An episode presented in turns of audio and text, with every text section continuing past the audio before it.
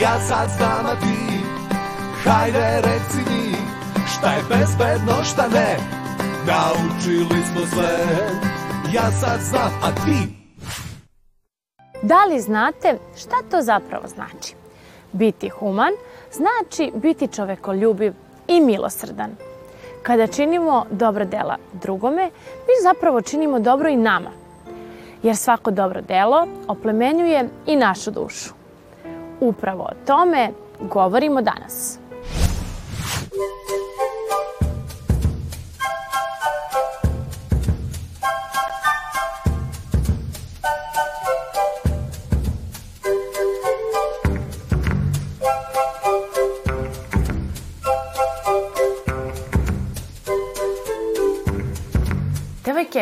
Šta mi danas ovde radimo zajedno? Mi danas pakujemo ove paketiće, seckamo ovo i posle ćemo da ostavimo negde pored kante i ćemo da im damo nekim decam, deci ili roditeljima koji nemaju stvari. A zašto je važno, Anja, da mi pomažemo drugima? Šta na taj način radimo i za njih, ali i za nas? Zato što poklonimo i drugi, drugoj deci i drugim odraslima koji nemaju i damo im da... A recite mi, ovo se zove Dobri tvor. Da li vam je zanimljivo to i šta mislite, otkud baš to ime? Pa ja mislim zato što tvor je onako dobar tvor kao dobrota što mi to radimo i tvor zato što je zato što stavljamo pored nekih kante ili tako pa je onda kao smrdljivi malo. Aha, da li te dve reči zajedno te podsjećaju na jednu reč u našem jeziku? Recimo, hm? a tebe da? Da. Na koju? Dobrotvor. Dobrotvor, bravo. Bravo, odlično. A recite mi, e, da li ste vi uradile nekad nešto na šta ste ponosne i zbog čega možete da kažete da ste tada uradili dobro delo? Ne mora da bude veliko, to mogu da budu male, sitne, svakodnevne stvari, ali koje su nekome pomogle. E, ja sam svake godine pravila e, paketiće za e, decu koja nemaju sva, e, i svake godine sam odvojila jednu knjigu, jednu igračku i jedan slatkiš i napravila paketić. Ja sam jednom pružila ruku kad mi je drugarica pala. Bravo, eto, to je svakodnevna dobrota, a njoj je sigurno značila. I hajde, reci mi, Dora, kako bi ti pozvala svoje drugare da čine dobra dela? Šta bi im rekla? Pa ja bi napravila kao neki poster i napisala bih, e, i napisala bih nešto kao vezano za dobrotu, da svi na ovom svetu budu dobri i da rade zajedno i da čine dobra dela.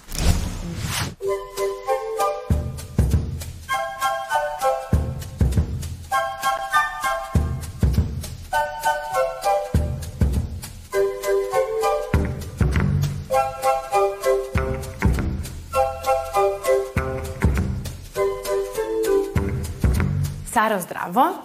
E, Danas smo ovdje da upoznamo tebe i ono dobro što ti radiš, a to je Dobri tvor. Ispričaj nam kako je nastala ta ideja.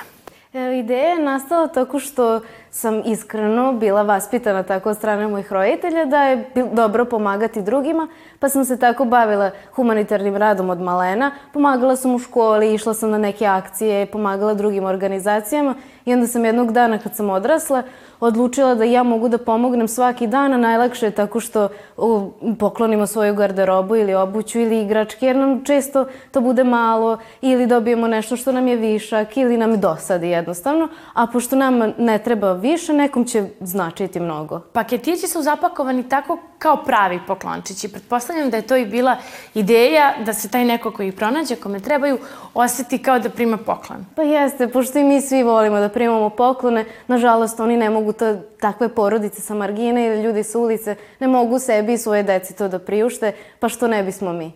I kako izgleda proces od em, početka do same e, realizacije kada ti na kraju zavežeš tu mašnicu i ostaviš poklončići? Prvo se desi na internetu, na socijalnim mrežama da se ljudi jave da poklone, tako što sam objavila par ovaj, postova da mogu da se jave da poklone nešto svoje, onda donesu meni, e, spakujem u kesice, stavim naravno mašnicu da izgleda kao taj poklončić i logo i ostavljam na mestima gde najčešće vidim e, beskućnike, a to je pored kontejnera nažalost ili kanti jer tu traže šta im je korisno, na klupama jer tamo spavaju, a često ih nađem i na ulici pa im dam na ruke što je nekako možda najlepše jer, jer znaju i ti ljudi koji su donirali da to ide u prave ruke.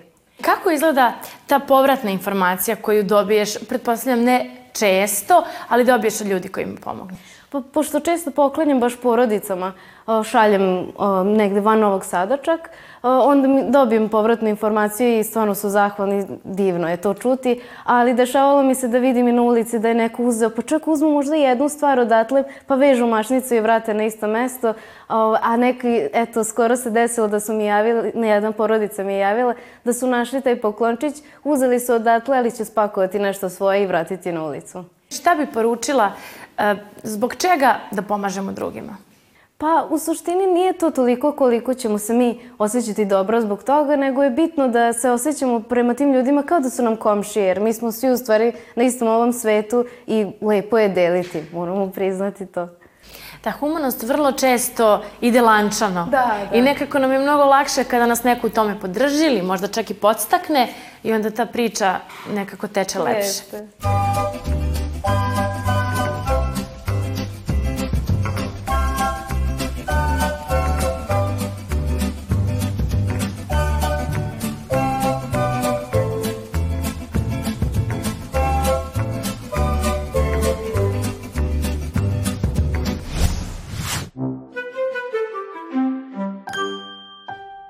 Humanost je jedna od najvrednijih ljudskih karakteristika.